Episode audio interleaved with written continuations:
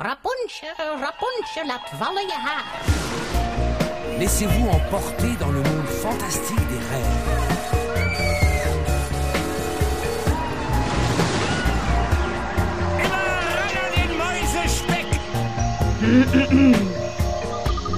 Het is weer ochtend in Pretparkland. Goedemorgen pretparkland en welkom bij je ochtendelijke pretparkpodcast. Mijn naam is Erwin Taans en Don van Lievering en ik zijn vanochtend in het Sprookjesbos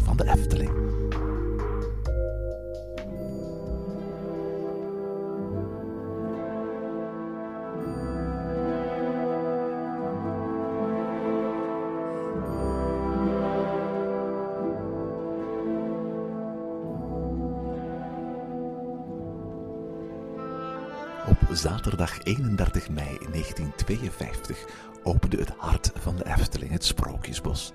Een door Anton Pieck en Peter Reinders ontworpen oase van groen, waar tussen de bomen de vijf torens van het kasteel van Doornroosje priemen, waar de wolf op jonge roodgekapte meisjes en op onschuldige ganzenborrelde geitjes uit is, en waar elk kwartier de oneerlijke klechtslimme toon de bel luidt van de magische klok. Hier verwarmt een eenzaam klein kind zich aan de gloed van zwavelstokjes. Hier woont diep in de put vrouw Holle. Hier dansen betoverde elfjes in hun Indische waterlelies de nacht door. Het Sprookjesbos is sinds de opening in 1952 steeds groter geworden. Wat begon met tien uitbeeldingen is nu een lijvig levend boek om door te wandelen met bijna dertig sprookjes.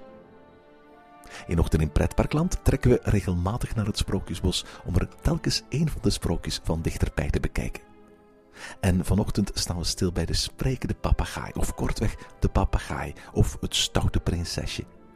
Wie aan Anton Pieck denkt, denkt misschien niet aan de regenwouden van de Andes, aan Venezuela, Brazilië, Paraguay of Argentinië, waar deze groenvleugelaras oorspronkelijk vandaan komen.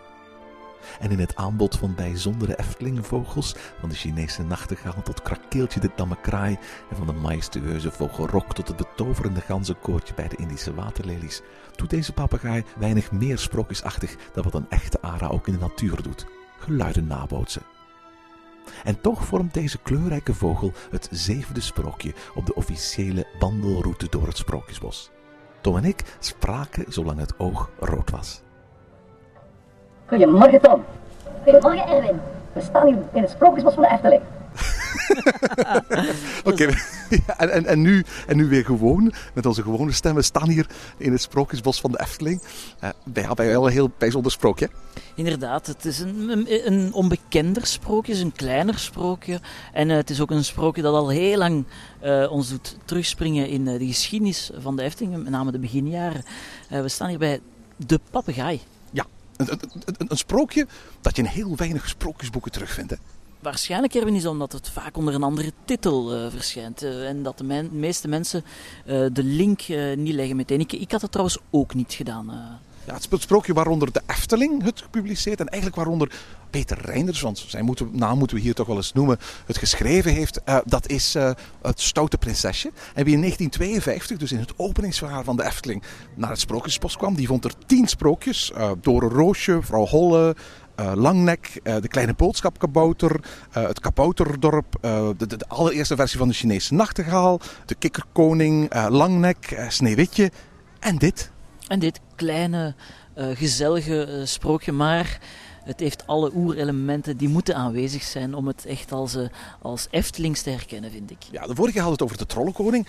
Trollenkoning, ook daar is achteraf al een verhaal aan toegevoegd, maar is ook weer zo'n sprookje zonder verhaal, hè? Ja, inderdaad. Het is, uh, uh, dit, dit sprookje van de papegaai is eigenlijk uh, het eerste interactieve sprookje. Hè. Toen al zagen de ontwerpers van de Efteling al de kracht in van interactiviteit, de kracht van amusement, vind ik.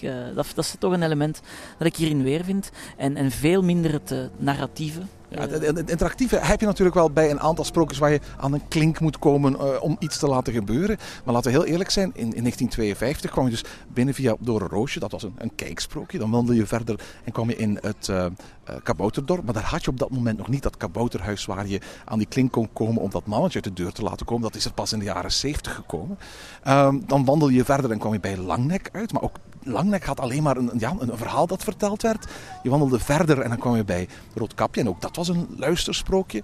En dan had je nog ehm, de rode schoentjes. Ook dat was gewoon iets waar je naar kon kijken en luisteren. En dit was eigenlijk ja, in 1952 het eerste interactieve element. Dat element waar uiteindelijk de Efteling zo beroemd om is geworden. Ja, inderdaad. En, en ook uh, plezant. En het werkt nog altijd. Het is, uh, en wat is nu het precieze in, uh, interactieve element? Dat is dat we, we kijken hier naar de papegaai. En wanneer het oog rood is, spreek je een boodschap in. En even later wordt die met een heliumachtig stemmetje, wordt jouw boodschap met een heliumachtig stemmetje herhaald. Heel, heel ja, grappig eigenlijk. Ja, en in de beginjaren was dat een, een magneetbandrecorder uh, die voortdurend hetzelfde stukje magneetstrook heen en weer spoelde. En telkens werd er een stukje opgenomen en dan versneld afgespeeld.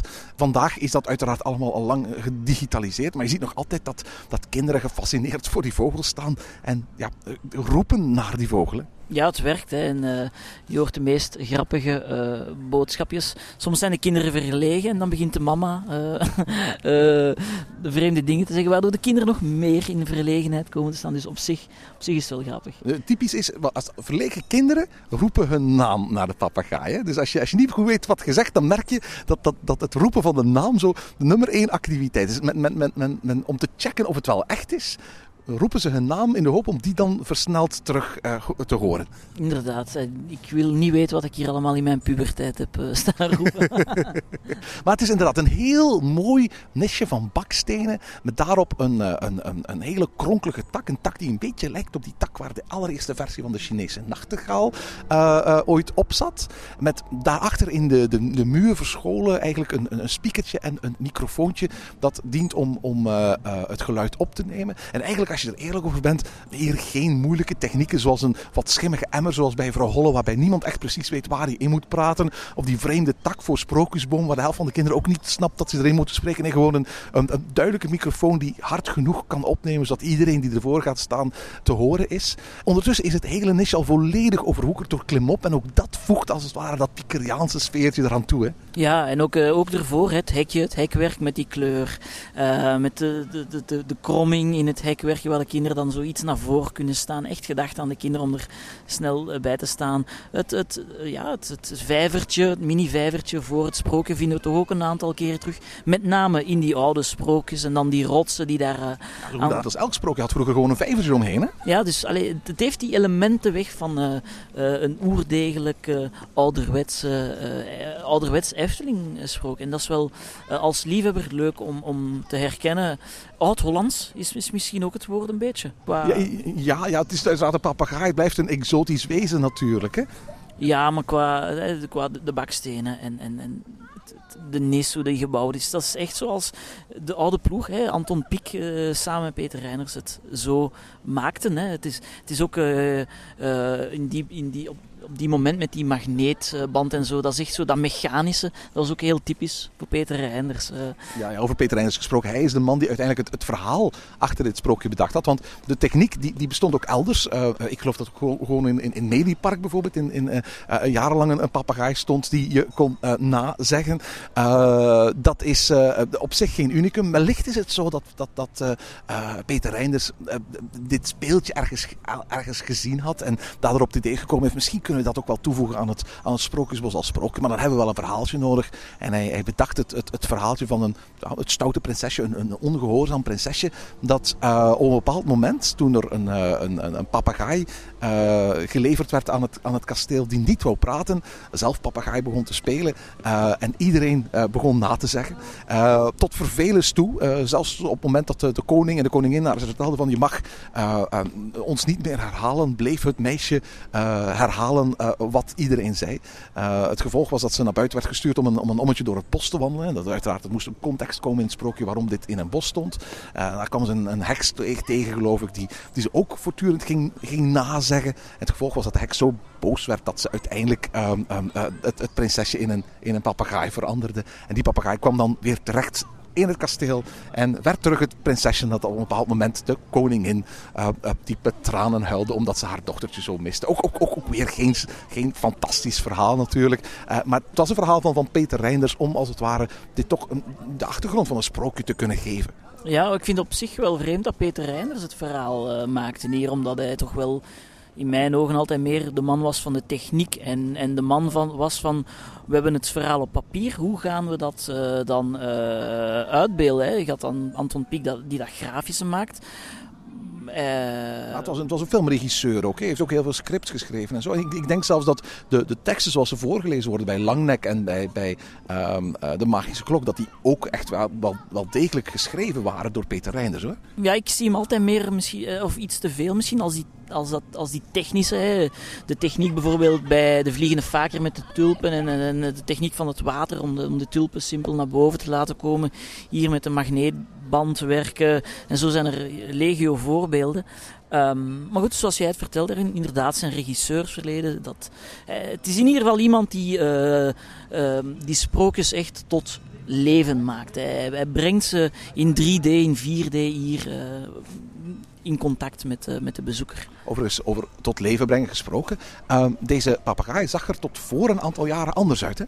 Ja, in 2005, als ik me niet vergis, is de papegaai. Uh, zien we hem zoals, uh, sinds 2005 zien we hem zoals zijn huidige uh, versie. En daarvoor was het een, een veel somberder en iets grauwere papegaai. Ja, absoluut. Het is eerst een, een, een veel flamboyantere uh, pluimendos meegekregen. Uh, ook zijn, zijn vleugel is een stuk groter en spectaculairder geworden. En het, tof is ook dat hij nu beschikt over een, een, een mechaniekje dat het naar het schijnt ook in de beginjaren aanwezig was, maar dat, dat, dat lange tijd niet gewerkt heeft om, om als hij aan het terugspreken is, zijn, zijn bek te bewegen. Dat, dat, uh, dat laatste doet hij op dit moment niet, maar het is wel aanwezig. Uh, en uh, uiteraard, wat ook heel tof is in de winter Efteling, dan krijgt deze papegaai een, een, een, ja, een kerstkrans. Alleen de krans die is hier gemaakt van pindanootjes, wat heel erg toepasselijk is. Hè? Ja, dat is wel de grappige details die, die, die extra meerwaarde geven. Hè. Maar um, het blijft natuurlijk een van de, van de kleinere sprookjes, van de uh, minimalistischere sprookjes. Je loopt er zo voorbij eigenlijk. Ja. Uh, ik heb altijd gedacht van, ha, weet je wat, als, als er ooit eens plek nodig is voor iets anders, dan is dit misschien niet zo'n slechte plek om dit sprookje weg te halen en bijvoorbeeld ergens in het museum te zetten. Want weet je, het blijft een papegaai. En ja, binnen een sprookjesbos en dit is uiteindelijk een, een, een Europese naald- en loofbos, dat, dat het sprookjesbos is, heb ik de aanwezigheid van die, van die papegaai altijd een heel vreemd, exotisch wezen gevonden. Dat hier niet helemaal op zijn plaats is. Maar goed, dat is nog een aantal keer van afgeweken. Indische waterlelies, Chinese nachtegaal, die er ook was van in, van in het begin. Uh... Maar daar zit een verhaal achter. Hier, hier, ja, ik heb het verhaal nu verteld, maar dat, dat verhaal kom je niet te weten als je hier gewoon rondloopt. En dan zie je gewoon een, een papegaai op een tak zitten. Nee, klopt. Maar goed, volgens het verhaal is die papegaai ook niet ergens, uh, zwermt die ook niet ergens rond in Azië of zo. Nee, dat is de prinses van hier die um, omgetoverd wordt. Dus op dat vlak is, is er natuurlijk wel een verklaring voor. Het uh, een ander nadeel of een ander aspect waarom ik het iets minder, allez, waarom dat ik het eerder zou zien verdwijnen of naar een andere plek brengen, is dat het, ondanks dat interactief is, is het echt wel zeer beperkt interactief. Er is maar één iemand die kan spreken en die dan op. Allee, in principe toch. En, dan, en dan die boodschap die komt iets later terug. Dus, je vraagt je af of anno 2013, uh, waar je als je een iPod of een iPhone of een iPad hebt of zo, uh, waar je talloze appjes kunt, uh, kunt downloaden, waar je iets dat je inspreekt door een of andere bewegende poes of bewegende hond kunt uitgesproken zien, in welke, welke mate dit eigenlijk nog ja, spectaculair is. Ja, op dat vlak Erwin is natuurlijk voorbijgestreefd. Um, maar maakt niet weg om, om hier even leuk op de bank te staan kijken. En uh, het werkt wel ergens. Hè.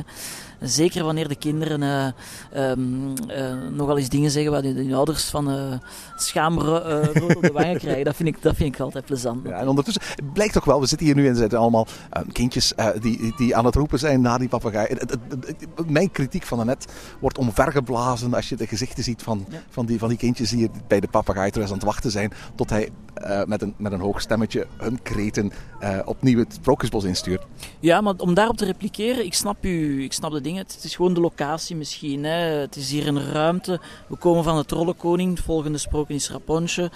Um, Het is hier een, het is hier een, dit is een plek in het Sprookjesbos dat nog niet dicht bevolkt is, om het zo te zeggen. Dus er is wel wat ruimte en we kunnen hier eventueel spreken van een switch. Misschien hier een nieuw sprookje en dit sprook op een andere plaats, waar dat al eventueel drukker is. Want de nieuwe uitbreidingen van het Sprookjesbos maken de oppervlakte alleen maar groter. Er komen wandelpaden bij, we krijgen er extra routes bij en zo. En ik zie liever het behouden van de, van de originele route en daar eventueel een, een nieuw sprookje bij.